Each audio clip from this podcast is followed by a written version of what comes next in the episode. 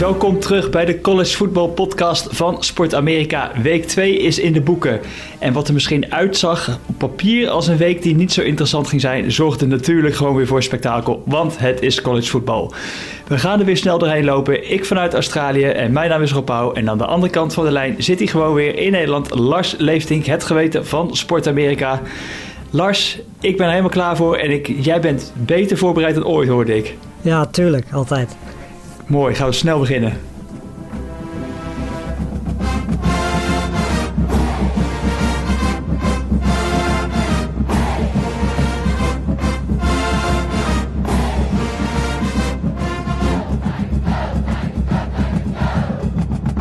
Yes, want we hadden weer mooie matchups staan op het programma. Twee die we vorige week al uitgebreid hadden uitgelicht. Oregon, Ohio State en Iowa, Iowa State die eraan zaten te komen. Die waren allebei, uh, nou misschien niet spektakel, maar wel verrassende uitslagen misschien. En daarnaast waren er nog wat andere ranked teams die ook gewoon onderuit gingen. Want het blijkt dat Texas niet back is. Uh, ondertussen is er ook de, weer een coach ontslagen waar we uitgebreid over moeten gaan praten. Maar laten we beginnen bij de kraker die op het programma stond. Het was Oregon uh, die op bezoek ging bij Ohio State. De derde gerankte Ohio State en de twaalfde gerankte Oregon. En aan het einde van de rit was de scorecard 35 punten voor Oregon en 28 voor Ohio State. Een grote opzet, Lars? De, ja, dat denk ik wel. Ik denk dat uh, van tevoren iedereen, uh, we hebben het vorige week ook besproken, toch wel gewoon Ohio State als favoriet had. voornamelijk vanwege die offense natuurlijk. Um, aan die offense lag het op zich ook zeker niet, ondanks dat ze wel wat, wat kansen hebben laten liggen om, om meer punten te scoren dan de 28 die ze er nu neer hebben gezet. Um, maar ja, die defense van Ohio State is wel echt een probleem. Daar hebben we het vorige week tegen, na die wedstrijd tegen Minnesota ook al over gehad. Uh, dat dat gewoon duidelijk de, de zwakke plek is. En dan voornamelijk de defensive line en de linebackers. Die zijn niet van het niveau waar, waar Ohio State op dit moment eigenlijk op zou moeten zitten. Um, dat bleek afgelopen weekend ook weer. Want ja, op zich deed die secondary het best wel goed. Um, alleen ja, er was gewoon totaal geen druk op, uh, op de quarterback van, van Oregon. Die gewoon zijn, zijn ding kon doen.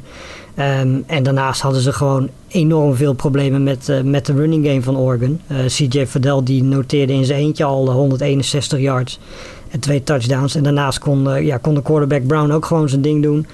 Troy Dye had ook nog 43 rushing yards. Dus ja, ze hadden daar compleet geen antwoord op. Ze hadden geen antwoord op, op de motions. Linebackers werden heel makkelijk uit positie gebracht.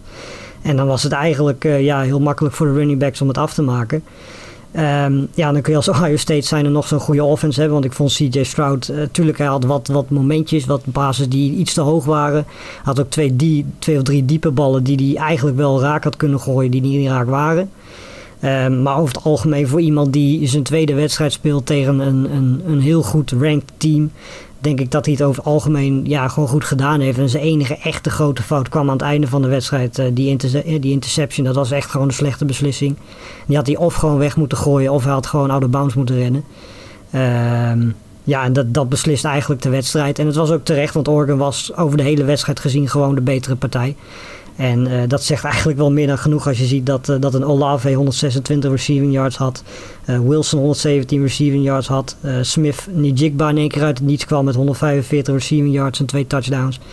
de running game op zich bij Ohio State ook gewoon prima liep. Um, dus ja, op papier denk ik dat Ohio State aanvallend gezien wat heeft laten liggen. Maar ik denk dat de, het grootste probleem van Ohio State toch echt gewoon die defense is. Eigenlijk wat wij uh, aan het nou we gaan onszelf niet op de borst kloppen, maar toch doen we het heel even. Uh, we hebben natuurlijk het begin van het seizoen ook over gehad. Hè? Uh, Ohio State dat ons een beetje zorgen maakte over die defense. je zei het al, die offense die heeft gewoon meer dan 600 offensive yards op het bord gezet. En je ja. wint gewoon niet tegen, tegen Oregon Ducks. Die ook nog eens zonder Tevon, Kevon Thibodeau natuurlijk speelde. Ja. Die het toch net niet haalde. we hebben het vorige week gezien dat Minnesota dwars door die defense van de Buckeyes heen wist te rennen ja. te rushen. En Oregon doet nou hetzelfde. Hoe moet het verder voor Ohio State? Uh, nou ja, dat moet sowieso opgelost worden. Dat zei de, de, de headcoach deed ook uh, volgens mij na, na, afloop dat daar echt wel wat veranderingen moeten plaatsvinden. Want het, het, het is voornamelijk die defensive line en, en, de linebackers die daar echt gewoon heel veel problemen mee hebben en heel makkelijk uit positie worden gebracht. Maar is het talenten daar niet? Want je zou toch zeggen, als je kijkt naar hoe nee. zij recruit zeg maar, de recruitment gedaan hebt de afgelopen jaren, dat moet dat talenten toch zijn? Is dat dan nee, gewoon een, een defensive coordinator die nou ja, volgens mij zit hij echt wel op de hot seat. En is volgens mij bijna misschien wel een kwestie van tijd voor Ryan Day zegt Toedeledoki. Nou ja, dat is natuurlijk wel de voornaamste reden. Want bij Ohio State kun je niet zeggen dat er gebrek aan, gebrek aan talent is. Zeker op linebacker lopen er met bijvoorbeeld een Harrison echt wel een paar hele goede linebackers rond. Alleen ja, die worden elke keer gewoon uit positie gebracht. Omdat zij, eh, nou dat, dat viel mij afgelopen weekend in ieder geval op, heel veel man-to-man moeten spelen. En zij volgen dan letterlijk gewoon zelfs de motions. En dan zijn ze gewoon uit, uit positie. En dan is het voor een running back gewoon heel makkelijk om de gaten te vinden. En dat, dat is wel iets wat aangepast moet worden. En ja, de defensive line is gewoon niet zo heel sterk. Ehm, ja, weet je, wat dat betreft laten ze de secondary eigenlijk een beetje in de steek. Want die, die speelde ook afgelopen weekend gewoon weer meer dan prima. Ehm, was, was goed in pass coverage. Alleen ja, als je constant uh, ballen naar je toe gegooid krijgt en je ziet daarnaast dat de running game uh, eigenlijk gewoon niet gestopt, kan worden, ja, dan, dan, dan houdt het natuurlijk wel een keer op. Um, en dan kun je nog zo'n goede offense hebben en nog zoveel yards op het bord zetten. Er zijn gewoon momenten dat een offense, zoals afgelopen weekend, niet altijd het maximale eruit kan halen. En dan is het fijn om een, een defense te hebben, zoals bijvoorbeeld Alabama en Georgia dat wel hebben. Uh, die je dan kan helpen. En dat, hebben, uh, dat heeft Ohio State niet. En dat, dat is op dit moment het, de voornaamste reden dat zij uh, het op dit moment heel moeilijk gaan krijgen om de play-offs nog te halen, denk ik. Ja, nu is het, enige voordeel voor hun natuurlijk, deze loss is een non-conference loss. Dus ze kunnen ja. sowieso nog wel makkelijk naar die, tenminste makkelijk, ze zijn denk ik nog steeds grote favoriet om gewoon die Big Ten, ze zo championship game te halen en ook te gaan winnen. Dus je hebt altijd kans uh, om gewoon die Big Ten natuurlijk te winnen, om daarvoor natuurlijk wel in aanmerking te komen voor een, voor een playoff spot. Uh, zeker natuurlijk afwachten wat Oregon de rest van het seizoen ook gaat doen. Want die ziet er gewoon erg sterk uit. Dus dat ja. die ook een ongeslagen Pac-12 kampioen kunnen worden, dan uh, ziet dat er misschien ook net weer wat anders uit. Uh, of, of, maak jij je zorgen voor Ohio State in de, in de Big Ten, in de conference? Uh, nou ja, kijk, het grote voordeel wat ze hebben is dat er in de Big Ten gewoon nou ja, niemand echt in de buurt komt van het, het aanvallende talent dat ze hebben. Uh, als ik een naam zou noemen, dan zou Maryland denk ik het dichtstbij komen. Uh, zeker qua quarterback. Maar ik denk dat verder, ja, weet je, Penn State heeft niet de, de aanvallende vuurpower van, van Ohio State. Uh, Michigan heeft dat ook niet. Weet je, ja, Iowa en, en, en Wisconsin sowieso niet. Dus weet je, wat dat betreft, aanvallend gezien is er geen reden om zorgen te maken. Alleen ja, je gaat gewoon ook dit seizoen nog wedstrijden hebben. Zeker tegen, tegen teams die verdedigend goed zijn. Waar je offense misschien even niet uh, de, de vorm van de dag heeft. Zeker met een quarterback die dit jaar voor het eerst start. Ja, en dan is het wel fijn dat je gewoon een, een defense hebt die je dan daar doorheen kan slepen. Zoals bijvoorbeeld Georgia dat vorige week meemaakte met, uh, met, uh, tegen Clemson. Ja, en dat, dat heeft Ohio State op dit moment niet. En als ze echt daadwerkelijk de rest van het seizoen ongeslagen willen blijven, wat eigenlijk bijna wel moet als ze nog willen hopen op de playoffs, ja, dan, dan zal zeker die, die defense, zeker tegen de run game, zal gewoon beter moeten. Oké, okay, we gaan het zeker zien. Uh, een van de andere ploegen die jij net noemde, Iowa, want de grote Cyhawk Derby, uh, die, de rivalry, die stond op programma Iowa. Iowa State. Uh, ja. Nu gaven wij, wat zeiden wij? Vorige week was het Iowa plus 4,5. Zeiden wij van nou, dat is misschien nog wel een gokje waard. Ze waren de ja. underdog. Misschien op basis van wat ze al eerder in het seizoen hadden laten zien, zag het er wel goed uit. En ja, het, het was geen mooie wedstrijd. Nee, denk ik. Jij hebt er misschien meer van gezien dan ik, want gezien de ja. tijdstip waarop de wedstrijd plaatsvond. Ja. Uh, maar verdedigend klaarden ze eigenlijk de klus. 27-17, een overwinning op uh, Iowa State. Volgens mij de zesde op rij, hè? Ja, nou ja, de, we hebben de vorige week tegen Indiana waren ze zeker verdedigend gezien, ook al heel indrukwekkend Iowa. En uh, dat was eigenlijk afgelopen weekend weer zo. De quarterback van Iowa State, Brock Purdy, gooide drie interceptions. Uh, daarnaast waren er wat fumbles. En ja, weet je, als je zo'n defense hebt die zo turnovers kan veroorzaken, dan heb je aanvallend gezien niet eens een, een wonderploeg nodig. En Iowa is aanvallend gezien alles behalve een wonderploeg. Um, maar ja, weet je wat je daarnaast ook ziet is dat de running game gewoon heel degelijk is. En dat is die eigenlijk elk jaar bij Iowa wel. Um, en die heeft ze uiteindelijk ja, toch wel redelijk, redelijk makkelijk, wou ik bijna zeggen, de, de zegen wel opgeleverd. Zeker de tweede helft waren ze echt heel erg goed. En dan scoort uh, Iowa State natuurlijk aan het einde nog een touchdown met drie minuten te gaan, waardoor het even spannend wordt. Um, maar over het algemeen ja, had ik nooit echt het idee dat Iowa State op het punt stond om, om, om terug in de wedstrijd te keren. En dat is tegen zo'n team. Dat, hè, bij Iowa State hebben ze natuurlijk zeker aanvallend gezien heel veel ervaring in huis. Um, als je als Iowa zijnde die dan zo uit kunt schakelen, ook nog eens een keertje bij Iowa State. Um, sfeer was overigens fantastisch, net zoals bij die wedstrijd van Ohio State. Dus uh, sowieso heel erg lekker om dat weer uh, te zien. Hebben we het vorige week ook al over gehad natuurlijk.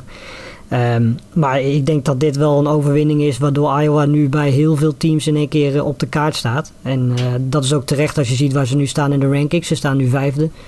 En ik denk dat dat, ja, weet je, op basis van wat ze tot nu toe hebben laten zien tegen twee ranked ploegen als Indiana en Iowa State, meer en meer dan terecht is. Ja, verdedigen misschien wel, maar als ik zie dat, je, dat ze die overwinning uit vier, ze scoren 27 punten ja. met 173 offensive yards. Ja. En dan zie ik dat uh, Ohio gaat over de 600 en scoren 28 punten. Ja, dus nee, ja, dat geeft maar weer even aan hoe het ook per wedstrijd dus kan verschillen en hoe die uitkomsten, dus hoe beslissend ja, die defensive kan zijn. Als je dus ja. inderdaad die paar keer die quarterback rate intercepten zoals ze bij Brock, Brock Purdy deden.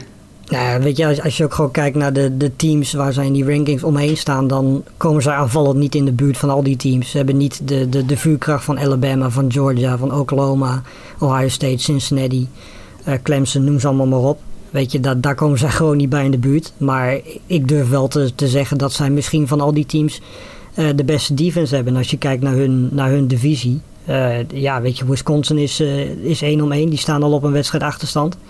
Dus die divisie, ja, daar heb je echt wel een goede kans om die te winnen. En ja, dan zou je eventueel in de, in de conference final van de Big Ten tegen een Ohio State kunnen staan. Ja, weet je, en als je die ook wint, uh, dan heb je een hele goede kans, denk ik, om, uh, om de playoffs te halen. Ja. Dus het is zeker een pad wat mogelijk is voor Iowa. Ja, eigenlijk uitgebreid stilgestaan bij deze, bij de, bij, bij de Big Ten. Uh, even een uh, uitstapje te, van de, de, tegenstander van Iowa, Iowa State natuurlijk in de Big 12. Ook voor hun natuurlijk geen ramp, geen, uh, geen conference loss. Maar toch misschien een team het voorafgaand dat seizoen mensen misschien dachten... nou, misschien had hij Matt Campbell een stunt in. Is het een playoff kandidaat? Ik denk dat we wel genoeg gezien hebben dat dat niet het geval gaat zijn. Ja. En het andere team in de Big 12 waarvan dat misschien gehoopt werd en gedacht werd onder Steve Sarkisian. Uh, nou ja, die speelde tegen Arkansas en die gingen gewoon met 40-21 de boot in. Texas is nog lang ja. niet terug, Lars.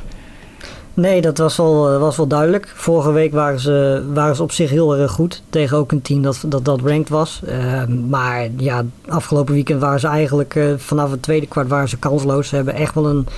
Ja, probleem is natuurlijk een beetje misschien te, te ernstig gesteld als je ziet wat, wat voor andere quarterbacks er in, in college voetbal rondlopen. Maar ik vond eigenlijk zowel Hudson Card als Thompson eigenlijk niet zo heel erg goed. En ik geloof dat Thompson komend weekend gaat starten, dus die ja. gaat de kans krijgen. Ja, ze zullen daar echt een oplossing moeten vinden. Want uh, dat is op dit moment, uh, denk ik, ja, het eerste probleem wat je hebt. Want weet je, ja, de, de wapens zijn er wel. Um, dus als je je quarterback kan vinden die, die gewoon stabiel kan, kan, ja, kan presteren, dan heb je denk ik die offense wel voor elkaar. Maar ja, 40 punten tegenkrijgen tegen een team als, als Arkansas dat, dat geen fantastische quarterback heeft. Um, eigenlijk op Burks na ook niet echt de wapens heeft waarvan je denkt van nou dat is echt een hele goede offense. Um, dat vind ik toch eigenlijk misschien nog wel een groter probleem dan, dan de quarterback situatie daar. En het geeft ook wel weer aan op wat voor apart niveau uh, de SEC zit. Want ja, een team als Arkansas wordt eigenlijk normaal gesproken niet echt uh, in de buurt verwacht van, van kans hebben om in de SEC uh, Championship game te komen. Uh, ze zijn nu wel ranked, maar dat gaat, dat gaat niet zo blijven. de Arkansas, weet je, het is een degelijke ploeg. Dat hebben ze wel laten zien, want ze hebben Texas verslagen. Maar in een SEC zijn zij normaal gesproken een, een. Dat zegt ook wel meer dan genoeg van, aan het niveausverschil wat er is tussen de SEC en, en de rest van de, de Power 5 Conference op dit moment. Ja, ik denk als je zag bij Arkansas, die speelde gewoon echt wel een hele goede pot. Uh, ja. Gewoon heel veel mensen hadden, of veel spelers hadden die gewoon offensive en die rushing yards makkelijk op wisten te pikken, inclusief de quarterback natuurlijk. Ja. Maar ja, interessant te zien hoe Texas hiervan, hiervan terug gaat komen. Ook wederom voor hun, dus geen nederlaag in de, uh, geen conference uh, game nederlaag. Dus dat scheelt ook weer. Die conference spelen moet allemaal nog gaan, eigenlijk echt gaan losbarsten. Maar nou, Big 12 heeft wel een probleem hoor. Want eh, weet je, Oklahoma die, uh, nou ja, die heeft afgelopen weekend heel makkelijk gewonnen moet ik zeggen. Die heeft zich even helemaal uitgelaten. Ja. Maar tegen Tulane was het, uh, was het natuurlijk niet heel overtuigend. En op dit moment, uh, ja, weet je, Iowa State heeft al een keer verloren. Texas heeft al een keer verloren.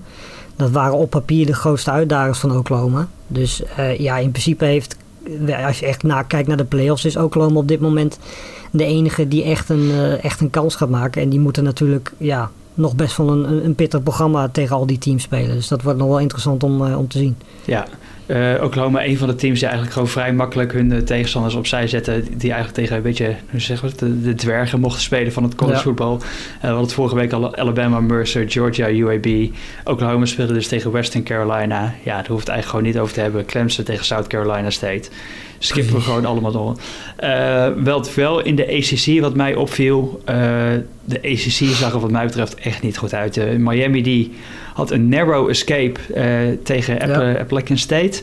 Ja. Ehm, het meest opvallende moment van die wedstrijd was misschien wel de kat. Heb je dat gezien, Lars? nee, ik heb hem niet gezien. Leg heb niet gezien. Mensen, zoek even op Twitter op naar de, de, de cat uh, die vanaf de tweede ring naar beneden viel. Oh ja, nee, tuurlijk. Dat heb ik wel. Ik dacht dat je op het veld bedoelde. Maar nee, nee, nee, nee, nee, de kat die vanuit de, die aan de tweede ring vasthing, maar, maar viel en opgevangen werd in een Amerikaanse vlag. En vervolgens als een soort scène uit de Lion King uh, omhoog gehouden wordt. Van kijk eens, Simba is er toch nog. Nou, het leeft nog. Amerikaanse kan niet. Amerikaanse kan niet. Het was een, eh, misschien wel symbolisch voor de narrow escape die Miami op het veld ook had. Uh, maar verder zagen we natuurlijk een FSU verliezen tegen Jacksonville State. Poeh, ja. En we zagen NC State, dat, dat, die, die gingen ook onderuit. Ja, het was... Uh, ik, ik denk als je naar die ACC kijkt, ja, zo heeft Clemson ook niet heel veel tegenstanders waar ze dan toch nog hun resume een beetje op kunnen poetsen.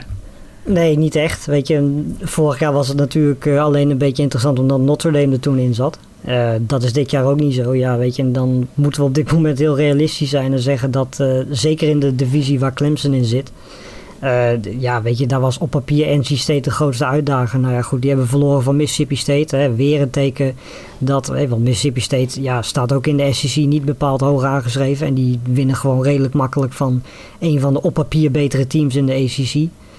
dus dat geeft ook wel weer aan wat het niveauverschil is. Um, ja, op dit moment de grootste uitdaging. Weet je, Miami ziet, maakt niet echt indruk. North Carolina heeft al een, een, een nederlaag in de conference ook. Ja. Um, dus ja, op dit moment zijn op papier uit, uit die andere divisie, Virginia Tech en Pittsburgh, uh, die overigens allebei best wel wat indruk maken. Um, toch wel de teams, denk ik, waar je dan meest naar moet kijken. Uh, Pittsburgh won afgelopen weekend heel knap uh, bij Tennessee. Um, ja, maar goed, weet je, als dat de twee teams zijn waar Clemson zich druk om moet maken, ja, dan zou je bijna zeggen dat, dat Clemson in principe een, een makkelijk pad heeft richting ja, mogelijk de playoffs. Ze hebben natuurlijk al verloren van Georgia, maar goed, als Georgia een heel goed seizoen draait, dan hoeft die nederlaag niet meteen dodelijk te zijn. Uh, het, ja, weet je, wat voor Clemson wel zaak is, is dat, dat wat beter gaat spelen. Want die vond ik afgelopen weekend qua statistieken ook weer niet heel erg overtuigend. Uh, ze speelt natuurlijk tegen South Carolina State, dus zo belangrijk was het niet. Won uiteindelijk ook makkelijk. Maar uh, ja, Uagalele had toch weer een interception ook. Uh, had niet zo'n hele grote passer rating, geloof ik. Ja, dat, dat zal wel beter moeten. En ik ben ook nog niet geheel overtuigd van al die, al die wapens die ze, om ze, die ze hebben op, op rushing en op, uh, op receiving. Um, daar zullen echt nog wel wat, wat, wat dingen beter moeten straks tegen de, de wat betere tegenstanders. Maar zelfs dan zou Clemson in principe geen probleem moeten hebben om het merendeel van zijn wedstrijden gewoon uh, te winnen dit seizoen. Ja. Uh, schuiven we even door naar de conference waar misschien nog wel het meeste nieuws dan afgelopen week omtrent was natuurlijk Oregon met die overwinning op Ohio State. En dat is natuurlijk de Pac-12. Uh, ja. Oregon ook in de, ook in de Pac-12 Noord dat zij daar Stanford tegenkomen. En Stanford die, ja, die bezegelde misschien wel het lang verwachte lot van Clay Helton door de USC Trojans uh, 42-28 te verslaan. En een dag later was het zover. We hebben het denk ik ook al een paar keer in deze podcast genoemd dat Clay Helton vooral afgelopen ja. seizoen al vaak op de hot seat zat. En uh, het is zover. Clay Helton is eruit gestuurd bij USC. Ja, ja, het, het, is misschien. Eh, ja, dat komt natuurlijk voornamelijk omdat het al, al inderdaad een paar jaar zo is dat hij op de, op de hot seat zit. Um, en van tevoren had iedereen het idee, dit jaar moet het beginnen, eh, moet het gebeuren, want Slovis die zou na dit jaar zomaar zijn drafting kunnen gaan. Uh, USC was ook rank, ranked aan het begin van dit seizoen. Dus iedereen had, had, het idee dat USC wel eens in, in de Pac-12 de grootste uitdager van Oregon kon gaan zijn. En dat heeft natuurlijk ook deels aan meegeholpen dat, uh, dat, dat deze man nu al ontslagen is. Um, plus ja, gewoon simpelweg het feit dat, dat de tegenstander waar ze tegen speelden, Stanford, dat is eigenlijk gewoon niet zo'n hele goede ploeg. Zeker aanvallend niet. En dan krijg je gewoon 42 punten tegen. Ja, dat is, dat is in principe dodelijk. Zeker ook omdat het natuurlijk een, een, een nederlaag in de Pac-12 is. Um, ja, dat, dat, is niet hoe je wil beginnen. Ehm, en dat heeft waarschijnlijk er ook voor gezorgd dat ze uiteindelijk besloten hebben om, uh, om hem er dan uiteindelijk toch maar uit te gooien. Um, het, zoals ik al zei, normaal gesproken zou je zeggen het is een beetje vroeg met twee wedstrijden. Maar goed, ja, weet je, als je weet dat hij al een tijdje op de hot seat zit en dat de verwachtingen hoog waren bij USC, is dit denk ik, uh, als je verliest van de Stanford team, een, een, logisch gevolg. Ja, je zou misschien denken, waarom hebben ze toch niet in de, in de offseason ervoor gekozen? Om hem uh, al eerder uit te sturen. Uh, is niet gebeurd. En nu, ja, de coaching carousel hij gaat waarschijnlijk op gang komen. Volgens mij mag de interim head coach, waarvan ik even de naam kwijt ben, het, het seizoen uh, af gaan maken. Ja. Um, hoe, hoe moet het verder voor USC? Want USC is toch eigenlijk een, misschien wel een top 5 university in, in college voetbal, als alles daar draait. Ze zitten ja. in een regio waar ongelooflijk veel talenten rondlopen.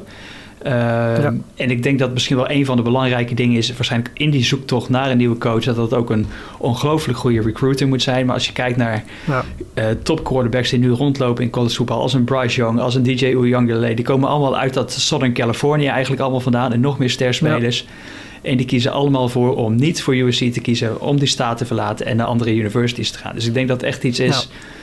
Bij wat voor namen moeten we dan aan denken als we denken, kijken naar die opvolger van Clay Helton bij USC?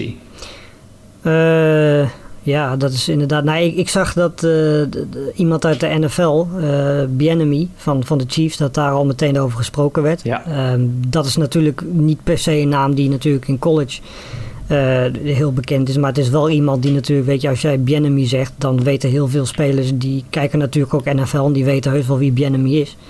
Uh, maar ik denk dat het probleem niet per se bij USC ligt, maar meer bij de Pac-12. Omdat, ja, weet je, de, de jongens die naar, die naar, de, naar college gaan, die weten ook dat op dit moment de Pac-12 van de vijf conferences die we, de grote conferences die we hebben, is de Pac-12 gewoon de zwakste. Daar hoeven we niet samen met de ACC, daar hoeven we niet heel lang over te discussiëren. En dus krijg je dan automatisch, zeker nu met, met, met de nil uh, contracten die je nu hebt, dat, dat quarterbacks zoals Bryce Young, uh, die heel getalenteerd zijn, gewoon naar de SEC gaan en gewoon naar de Big 12 gaan en naar de Big 10 gaan.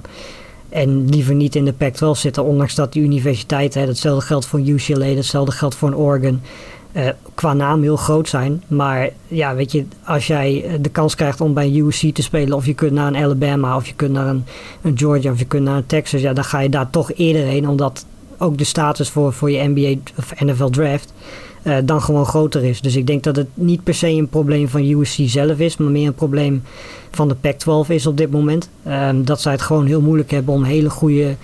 Uh, weet je, eigenlijk is Thibodeau wat dat betreft een beetje een uitzondering. Want ja, weet je, als je verder kijkt wat er in, in de Pac-12 qua, qua draft rondloopt, dan heb je het al heel gauw over jongens uit de tweede, derde ronde. Um, en spreek je niet zo snel over jongens die een first round pick gaan zijn. En dat is eigenlijk al, al jaren is dat al zo. En uh, ja, weet je, ik, ik, ik, ik weet niet hoe je dat één universiteit wat dat betreft gaat niet een, een, een, ja, dat veranderen voor een hele, voor een hele Pac-12, denk ik. Um, en ik, ik zie ook eigenlijk de komende jaren niet per se dat veranderen. Zeker nu de SEC natuurlijk met een Oklahoma, met een Texas ook nog eens een keertje uh, aankomt. En, en bijvoorbeeld de Big 12 ook grote universiteiten buiten de, de Power 5 heeft binnengehaald, zoals een BYU. Um, ik denk dat dat probleem voorlopig nog wel zal blijven. Dat dat niet per se iets is wat je, wat je kunt oplossen. Um, maar je kunt er wel voor zorgen, inderdaad, met een headcoach zoals Bienemy, dat je in ieder geval in de Pac-12 dan uh, samen met een Oregon bijvoorbeeld de ploeg bent waar, waar dan de, ja, de grootste talenten die overblijven dan in ieder geval naartoe gaan. Ja, ik denk dat Cristobal op dit moment bij Oregon wel echt een hele goede job doet in die recruiting en toch wel echt, ja. je noemde Thibodeau al, maar ook wat andere grote talenten binnen weten halen de laatste jaren. Um, en misschien is het ook nog wel dat uh, door de huidige pandemie dat ze toch een, misschien wat meer spelers kiezen dat ze toch iets liever dichter bij huis misschien willen blijven als ze uiteindelijk een keuze maken voor university. Um, ja voor andere namen die ook al genoemd worden. James Franklin van Penn State. Uh, Matt Campbell natuurlijk van Iowa State. Uh, ja, en sommige mensen zingen zelfs voorzichtig toch nog wel weer die naam nog steeds van Urban Meyer. Die natuurlijk vorig jaar en het ja. jaar daarvoor al genoemd werd bij USC als optie. Uh, maar die natuurlijk nu bij ja, de Die gaat bij de niet zo lang uh, volhouden hoor, bij de Jaguars. Nou ja, dat is dus de vraag. Hè. Hoe, hoe gaat ja. het uh, zich ont, ontvouwen bij de Jaguars voor Urban Meyer dit seizoen? En ja, zien we hem dan volgend seizoen misschien toch weer terug in het collegevoetbal, maar dan bij een powerhouse als USC? Want als er één iemand natuurlijk die recruiting daar op gang kan trekken, ja. dan zal het Urban Meyer zijn. Ja, zeker. Absoluut. Ja. Gaan we jullie zeker allemaal van, van op de hoogte houden. Uh, zullen wij even snel de, de rankings doornemen na, van, na het afgelopen weekend? Want er is natuurlijk een en ander verschoven met de resultaten die wij net al besproken hebben. Bovenaan de lijst, uiteraard niks veranderd. gewoon Alabama, Georgia, Oklahoma gaat een plekje omhoog. En dan op vier zien we Oregon terug. Ja, en terecht ook. Weet je, bedoel, uh, het is natuurlijk nu na twee wedstrijden heel moeilijk inschatten hoeveel waarde die, die zegen heeft. Maar je mag er toch eigenlijk vanuit gaan dat Ohio State gewoon een, een hele goede ploeg heeft. Um, de enige manier waarop Oregon kan zakken is als Ohio State ook een, een, een matig seizoen gaat draaien en meerdere wedstrijden gaat verliezen. Dan is die, die zegen natuurlijk van Oregon ook een stuk minder waard. Um, maar op dit moment is er geen enkele reden om Oregon niet op de vierde plek te zetten. En datzelfde geldt eigenlijk voor, uh, voor Iowa op vijf. Um, de enige plek, de enige universiteit die ik eigenlijk, als je kijkt naar de top, laten we zeggen, top 15, die ik niet op, op de juiste plek vind staan, is Texas AM. Uh, dat komt natuurlijk voornamelijk omdat zij nog niet verloren hebben. Uh, maar ze hadden het afgelopen weekend enorm lastig tegen, tegen Colorado uit de Pac-12. Quarterback verloren uh, natuurlijk, Heen Ja, nou ja, precies. En de, de quarterback situatie was daar al niet heel erg fantastisch. Sterker nog, als je kijkt naar al die teams waar zij omheen staan, hebben zij met afstand de minste quarterback situatie. En uh, ik denk dat alleen dat al een reden is waarom Texas A&M absoluut niet de nummer 7 van dit land is. Verdedigend gezien zijn ze heel goed. Maar uh, ja, weet je, het enige wat ze aanvallend eigenlijk hebben is een zeer spiller. En daar houdt het dan ook wel mee op. Um, dus ik denk dat we Texas A&M nog wel gaan zakken. Maar goed, op dit moment is er geen reden om dat te doen. En dat, ja, verder vind ik Iowa State op 14 veel te hoog staan. Uh, als je kijkt hoe ze, hoe ze van Iowa verloren hebben en eigenlijk daarvoor het ook al heel erg lastig hadden. Um, dan, dan vind ik eigenlijk een veertiende plek uh, voor een bijvoorbeeld Virginia Tech, een Ole Miss, vind ik eigenlijk nog te hoog. Ja. Uh, of misschien... En de UCLA op 13 trouwens, ook heel leuk om te zien, want die, die waren afgelopen weekend ook weer heel goed. Um, die waren volgens mij vorige week al echt ja, in één keer volgens mij 16 of zo in de rankings. Ja. En nu staan ze in één keer 13. Ja, die doen het op dit moment gewoon, uh, gewoon heel erg goed. Misschien wel de leukste ploeg om naar te kijken op dit moment. Dat, uh, hopelijk kunnen die dus inderdaad ook nog een beetje voor sensatie zorgen in die Pac-12 South. Nu uh, ja. USC het daar dus duidelijk ook laat afweten. Notre Dame. En Michigan is ranked. En Michigan is ranked, mogen ze weer even noemen. Uh, 25e na die overwinning op, uh, op de Huskies, die echt een dramatisch seizoen uh, op dit moment lijken te hebben. En ik weet niet of het daar goed ja. gaat komen. Daar ben ik heel erg benieuwd naar offensive ziet dat er echt uh, niet uit. Uh, nee. Notre Dame trouwens vier plaatsen gezakt, maar nog wel 2 om 0. Uh, ja. Een narrow escape afgelopen weekend. En volgens mij was het, was het Jack Cohn een soort van heroïs dat zijn vinger uit de kom was. Die werd even teruggezet ja. voor die laatste drive. En toen gooide hij toch nog even die touchdown. Ja, nou sterker nog. Niemand die, heeft het meer over Ian Boek daar. nou, ik, ik, was namelijk op zoek naar, naar, naar, beelden van die wedstrijd. Want ik had hem niet live gezien, omdat hij volgens mij eind van de avond of s'nachts was. Maar daar zijn dus letterlijk gewoon, als je ook op YouTube zoekt en zo, zijn gewoon geen beelden van die wedstrijd. Omdat blijkbaar iedereen ervan uitging dat Notre Dame wel even van, uh, het was Toledo volgens mij, uh, ging winnen. Maar ze hadden het daar een heel stuk uh, lastiger mee dan dat we van tevoren verwacht hadden, denk ik. Um, maar goed, ja, weet je, uiteindelijk winnen ze. Cohn was volgens mij van wat ik hoorde ook gewoon weer gewoon weer degelijk. Um, en dat is uiteindelijk, daar hebben we het natuurlijk voorafgaand ook al over gehad, hoe die Jack Cohn zou of hoe die uh, Ian Book zou vervangen. Voorlopig doet hij dat prima, maar goed, ja, weet je, dat je het dan zo moeilijk hebt tegen de Toledo is natuurlijk, uh, lag trouwens voornamelijk aan die defense, wat 29 punten tegen krijgen tegen Toledo is natuurlijk wel een, uh, wel een dingetje. Um, ja, maar goed, misschien ja, een klein beetje zorgen dat ze Kyron Williams nog niet echt in stelling weten te brengen ja. en los krijgen. Ja, ook dat. Maar ze krijgen nu natuurlijk wel een heel erg uh, pittig programma met uh, Purdue, Wisconsin, Cincinnati, Virginia Tech, USC, North Carolina. Um, dus wat dat betreft, ja, gaan ze de komende tijd met, met een bye week tussendoor wel de kans krijgen om, om zich echt in, in de picture te spelen voor die, uh, ja, voor die playoff plek. Um, en ik ben heel erg benieuwd. Ik ben vooral heel erg benieuwd of die offense zo goed blijft als dat die nu is. Want zeker in Wisconsin en Cincinnati dat zijn natuurlijk, en Virginia Tech, dat zijn wel teams die verdedigend gezien een, een Notre Dame kunnen uitschakelen. Dus ik ben wel benieuwd. Uh, het, het, zijn alle zes geen makkelijke tegenstanders. Dus ze gaan zeker uitgedaagd worden de, de komende weken. Ja. Um, zover de rankings. Ik wil de Heisman nog heel even overslaan. We zitten in de week 2, dus laten we niet uh, al onze campagne voeren, al afschieten op, uh, op onze nou ja, favorieten. We maar, kunnen daar volgens mij heel simpel over zijn. Ja? Op dit moment. En dat is dat uh, volgens mij Bryce Young met stip bovenaan staat. Oké, okay. ik dacht misschien begin jij toch een stiekem met Matt Corral offensief. Uh, dat zou ik graag doen. Oké. maar uh, ik denk dat het voorlopig Bryce Young daar wel duidelijk uh, bovenaan staat. Oké, okay, dan slaan we dat verder even over. En gaan wij vooruit kijken naar week 3. Een paar mooie... We het weer over Bryce Young hebben. Nou ja, inderdaad, toch een soort van segway bruggetje. want inderdaad, een van de grootste affiches wat misschien op het programma staat... is Alabama tegen Florida.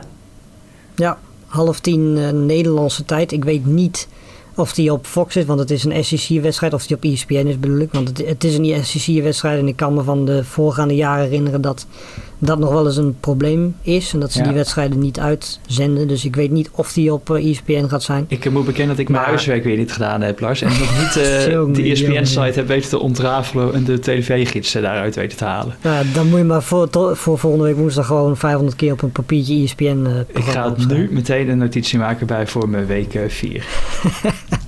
Maar uh, nee, ja, dit is wel, denk ik, duidelijk samen met uh, de wedstrijd waar we straks op komen, Almer Penn State, wel de wedstrijd die er bovenuit steekt. Um, alleen het enige probleem is dat ik denk dat dit niet spannend gaat worden. Um, ja, weet je, Alabama is op dit moment niet te houden. We hebben gezien wat ze in week 1 met al die nieuwe namen. Waarvan je denkt van nou, dat, dat kunnen ze misschien eventjes wat tijd nodig hebben om dat toe te passen. Uh, nou, dat was dus niet zo, want Miami had compleet geen kans. Nou ja, goed, tegen Mercer weet je hoe het gaat.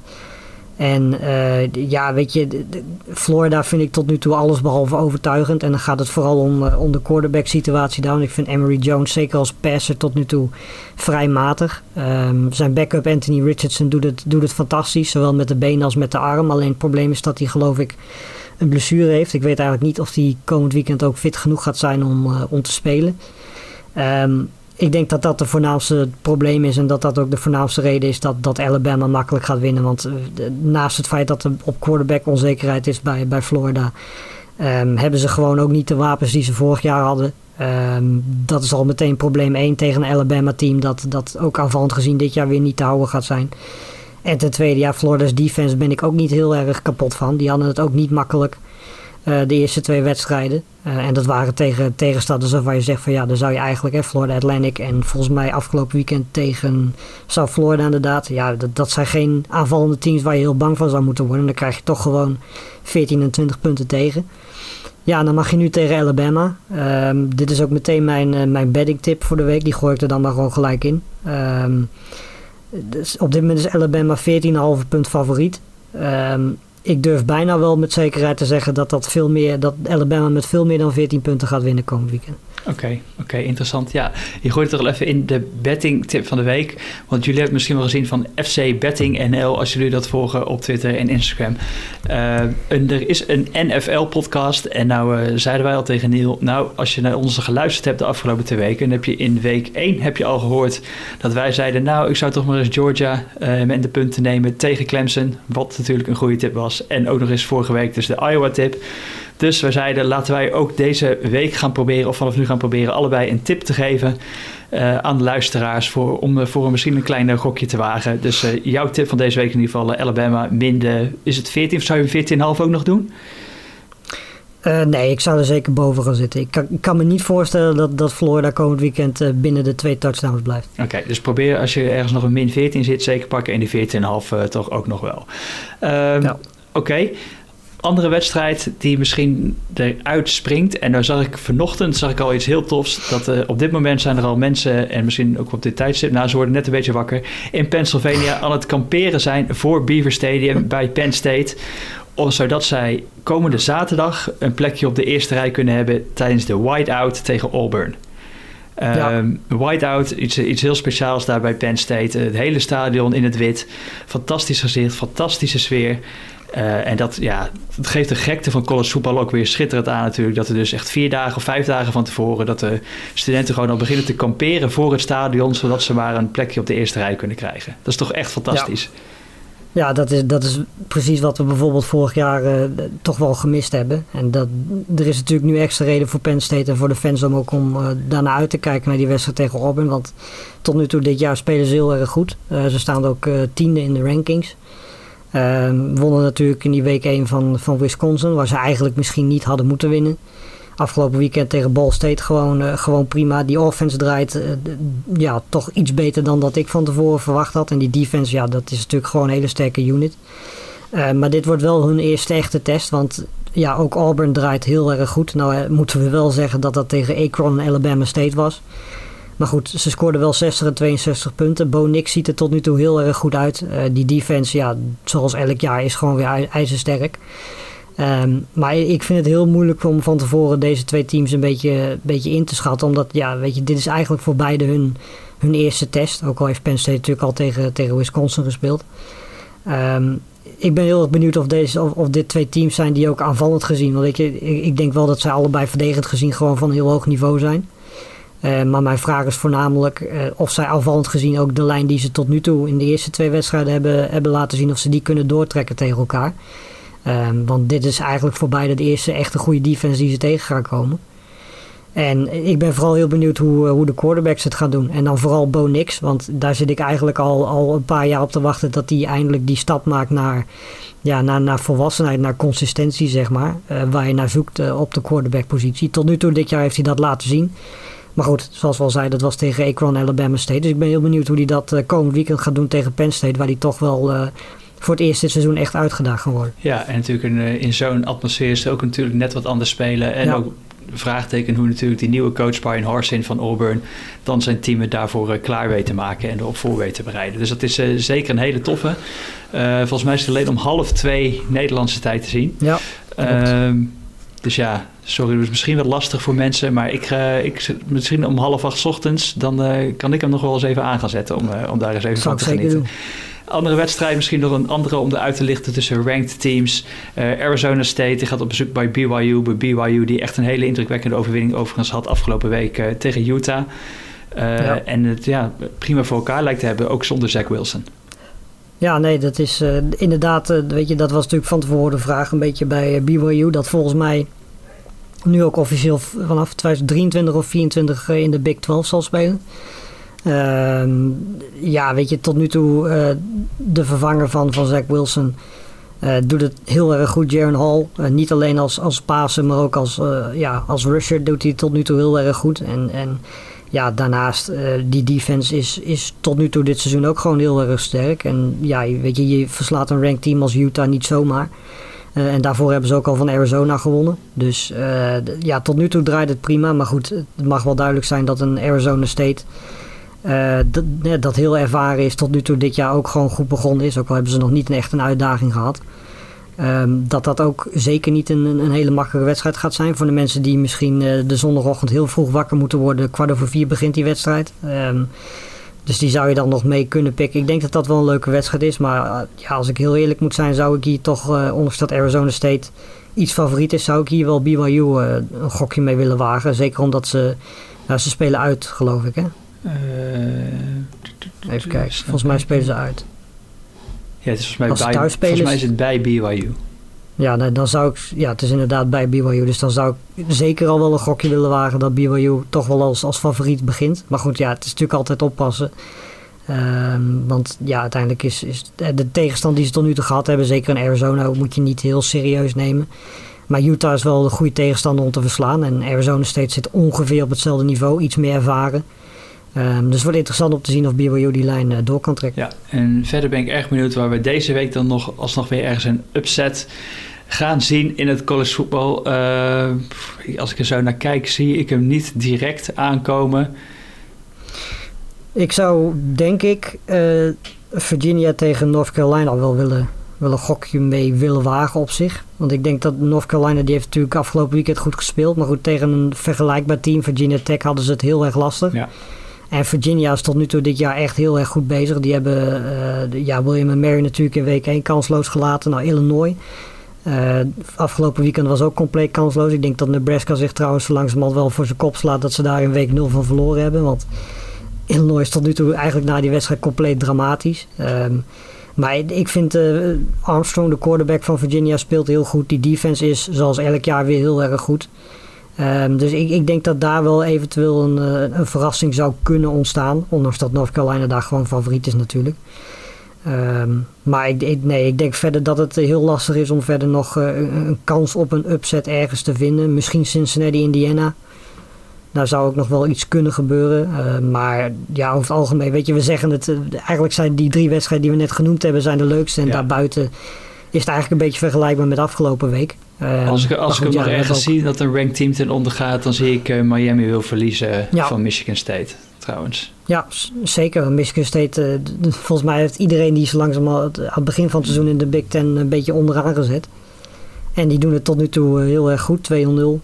Northwestern verslagen die eerste week natuurlijk.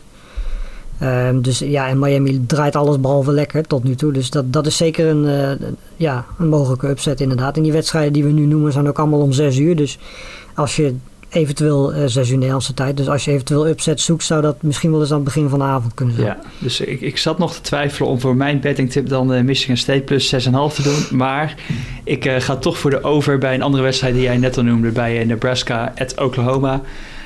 Oklahoma die in zijn, en deze lijn staat op dit moment op 61,5 en ik ga voor de over. Ik denk, in Oklahoma hebben we wel gezien hoe makkelijk die eigenlijk punten op het bord weten te zetten. Maar ik denk dat ook Nebraska toch nog wel eh, met die rushing attack uh, met Adrian Martinez toch wel wat punten genoeg op het bord gaat zetten.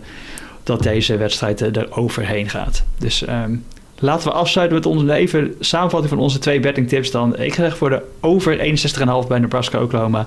En jij zegt Alabama min 14 of min 14,5 tegen Florida. Ja. Oké. Okay. Uh, ik ga er weer uh, goed voor zitten, denk ik zondagochtend als ik wakker word. Zeker, ik ook. Ja, altijd. En dan uh, zijn wij er in week 4 weer. Wat wij meestal doen is natuurlijk altijd dan hangen wij op en denken, oh, wat zit er eigenlijk in de week 4? Wat gaat er dan eigenlijk weer gebeuren? Ja. Dus laten we dat gewoon ja, even ik, heel snel... Heel ja, ik zie Notre Dame, Wisconsin al meteen, 6 uur. Uh, dus die, ja, die springt er meteen bovenuit. A&M, Arkansas. Ja, inderdaad. West Virginia, Oklahoma kan ook wel leuk zijn. En dan heb je het al gehad, denk ik. Kijk. Je hoort het alweer. Ook volgende week zijn we er ook natuurlijk weer met een recap van de wedstrijden die we net al genoemd hebben. En daarna kijken we dus vooruit op die wedstrijden in week 4. Ja, en voor hetzelfde geld valt er natuurlijk weer ergens nog een kat uit het stadion waar we het over moeten hebben. Of wordt er weer een coach ontslagen. Altijd wat te bespreken in. En natuurlijk hou ook die filmpjes in de gaten. Ik denk dat Sport Amerika account daar misschien ook nog wel even op ingaat. Voor de, misschien van de whiteout, als daar weer fantastische sfeerfilmpjes uh, van gaan verschijnen op het internet. Uh, hebben we nog iets gemist op sportamerika.nl, Lars? Vergat ik te vragen. Uh, nou tegen de tijd dat deze podcast online komt, heb ik een artikel online gezet over Ohio State tegen Oregon. Dat was eigenlijk in principe de enige wedstrijd waar ja, ik afgelopen weekend wel over wou schrijven. Dus dat staat waarschijnlijk uh, online. En dat is het eigenlijk verder wel. Ik denk uh, dat we verder vooral moeten uitblik, uitkijken naar volgende week. Want ik denk dat we ja, daar toch ook wel weer genoeg dingen gaan gebeuren. Oké, okay, top. Lars, hartelijk bedankt weer. Veel kijkplezier het weekend. Yes. En wij spreken elkaar volgende week. Yes, is goed. En jullie allemaal weer bedankt voor het luisteren. En zoals altijd, laat het ons weten ook wat je van de podcast vindt. Stuur ons gewoon even een tweetje, @rapau of @larsleeftink. En uh, stel ook gewoon je vragen, suggesties. Gooi het allemaal door. Wij vinden het hartstikke leuk dat je luistert. En uh, volgende week zijn wij er gewoon weer. Veel kijkplezier dit weekend en tot volgende week.